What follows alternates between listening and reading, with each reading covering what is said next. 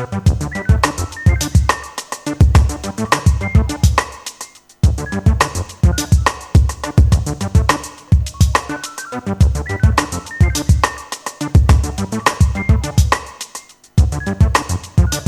passat l'episodi més intens de calor, al departament ja no està en vigilància taronja per canícula.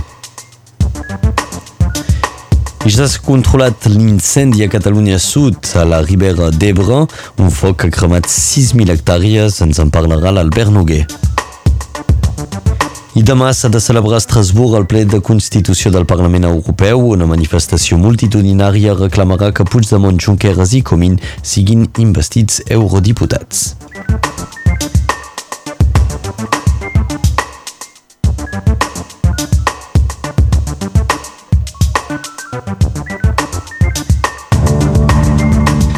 La canícula ha acabat a Catalunya Nord, malgrat tot encara tindrem temperatures altes en aquest inici de setmana, seran lleugerament superiors als 30 graus i podrien ser acompanyades d'algun temporal.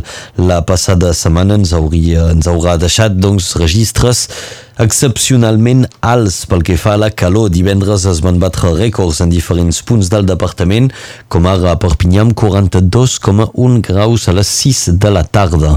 El nivell de vigilància per canícula ha estat rebaixat al departament. La vigilància serà groga avui fins a mitja tarda, segons anunciat Meteo França. Avui comencen les proves del brevet dels col·legis, un brevet que va haver d'ajornar-se per culpa de la canícula de la setmana passada. Al programa avui, les proves de matemàtiques i francès, demà tocarà passar les proves d'història i geografia pels alumnes de tercera. Les temperatures càlides han portat molta gent a les platges de Catalunya Nord durant el cap de setmana. Malauradament, divendres, un turista parisenc de 50 anys va morir ofegat a la platja d'Argelers de la Marenda. Es tracta de la primera víctima de l'estiu a les platges del departament. Un incendi va cremar un forn de pa i a la tarda al barri de Santa Ciscla de Perpinyà. Cap a les 6 de la tarda els bombers van intervenir per apagar les flames que havien començat a cremar el local. Les causes de l'incendi serien accidentals. Cinc persones es trobaran a l'atur tècnic durant els 15 dies que durin les obres per rehabilitar el local.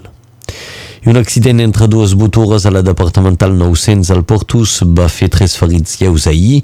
Com a conseqüència de l'accident es va formar una retenció de més de 3 quilòmetres en els dos sentits de circulació, una circulació que va poder reprendre al cap d'unes hores.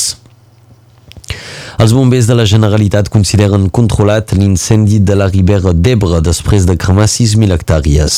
Les persones que havien estat desallotjades per l'incendi ja tenen autorització per tornar a casa. El foc no només ha cremat bosc i garriga, sinó que també ha afectat camps cultivats, sobretot oliveres. Les condicions meteorològiques han estat un entrebanc per l'extinció i justament Protecció Civil de la Generalitat manté en alerta el pla infocat mentre duri l'extinció total del foc i també del risc d'incendi forestal que hi ha en molts punts del país. La situació que serà cada cop més freqüent amb la crisi climàtica, segons ens explica l'Albert Noguer. Un grup d'investigadors de la Universitat de Barcelona van trobar fa uns anys una relació entre la magnitud dels incendis forestals i les condicions climàtiques eh, dels dos anys anteriors.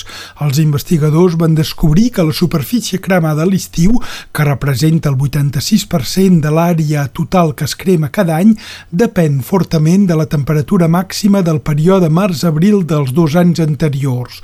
No és gaire difícil concloure que en un escenari d'escalfament global això condueix inexorablement a l'augment d'incendis. A banda del clima, les dinàmiques socioeconòmiques també influeixen en el risc i la magnitud dels incendis forestals. El canvi d'una economia primària basada en l'agricultura i la ramaderia cap a una de secundària amb què es fomenta en la indústria i els serveis han impulsat l'èxode rural que ha deixat els camps desemparats. Es van abandonar els territoris menys productius, és a dir, els més secs, muntanyosos i remots, com justament els de de les Terres de l'Ebre on hi ha hagut aquest incendi. A més, aquest canvi ha estat motivat per una dinàmica econòmica en què s'han substituït els materials forestals com la fusta, la llenya i el carbó per combustibles fòssils i els seus derivats com el plàstic. Això ha donat lloc a un paisatge format per una massa boscosa jove i contínua en creixement constant i capaç d'acumular una quantitat de fusta que alimenta la violència dels incendis. Per mitigar l'extensió d'aquests incendis que hi haurà en el futur, cal doncs passar per una recuperació de l'espai agrícola, però perquè això sigui possible cal també pagar el preu just als productes del camp. Moltes gràcies, Albert Noguer. Avui comença l'UCE, l'Universitat Catalana d'Estiu, a Manresa. És el segon any que la capital de la comarca del Bages acull aquell campus un poc diferent del de Prada. Fins al 5 de juliol es faran cursos universitaris, actes, commemoracions, debats, cinema i concerts. L'UCE de Prada celebrarà enguany la 51a edició. Es farà entre el 16 i el 24 d'agost i serà, un any més, una de les cites importants en el calendari polític de l'estiu. Demà s'ha de celebrar a Estrasburg el ple de Constitució del Parlament Europeu. Encara no se sap si Puigdemont, Junqueras i Comín podran exercir com a eurodiputats. Per reclamar que es respectin els resultats de les passades eleccions europees, milers de catalans manifestaran demà al moment en què els eurodiputats entrin al Parlament Europeu. L'objectiu és portar a Estrasburg una manifestació multitudinària que servirà també per exigir a l'estat espanyol que compleixi la resolució del grup de treball de detencions arbitràries del Comitè dels Drets Humans de l'ONU i que alliberi els presos polítics i els manifestants ja han començat a sortir de Catalunya en direcció a Estrasburg i per alguns no ha estat fàcil creuar la frontera per entrar en Catalunya Nord. Alguns han denunciat que la policia espanyola els ha escorcollat de mala manera a la Junquera, els han fet posar de cara a la paret i els hi han mirat la botura de dalt a baix durant uns 20 minuts. Segons els manifestants, la policia els ha controlat quan els agents han vist l'estelada que portaven. Els dracs catalans van jugar ahir al camp de Leeds i malauradament van perdre per 31 a 12 una nova derrota pels Dragons que baixen de la cinquena plaça de la classificació a la sisena. Proper partit pels dracs serà dissabte vinent a les 6 contra Wakefield. I a Sant Esteve, 13 catalans va proclamar campió de França dissabte al Bi amb una victòria per 32 a 24.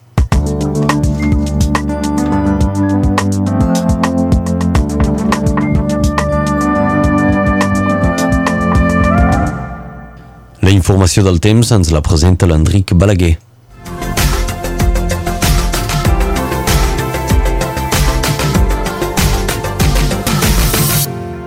Comencem per la dita del dia.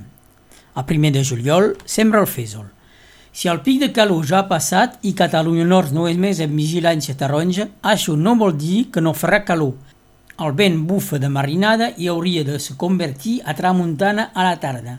Les temperatures es mantenen altes, tots els valors màxims superaran els 30 graus, excepte al Capcí. A Puigbalador s'arribarà a 24 graus i al Capcí, com a Cerdanya, i l'Alconflent podrien esclatar un temporals a la tarda. A Ribes Altes, on hi ha mercat setmanal, farà 35 graus, a Maurí 33, a Cautiura i Banyuls 31, a Casa Fabra i Orbanyà 31 també, a Oms i Canavelles 32, a la Cabanassa 30. L'1 de juliol de 1903 arrenca el primer Tour de France ciclista. Avui fan anys el jugador de handball de Banyuls, Ludovic Fabregas, i l'amic d'en Rustes, el cantant i animador de ràdio Gerard Jaquet. Avui celebreu els sants als teodòrics, si és que en coneixeu.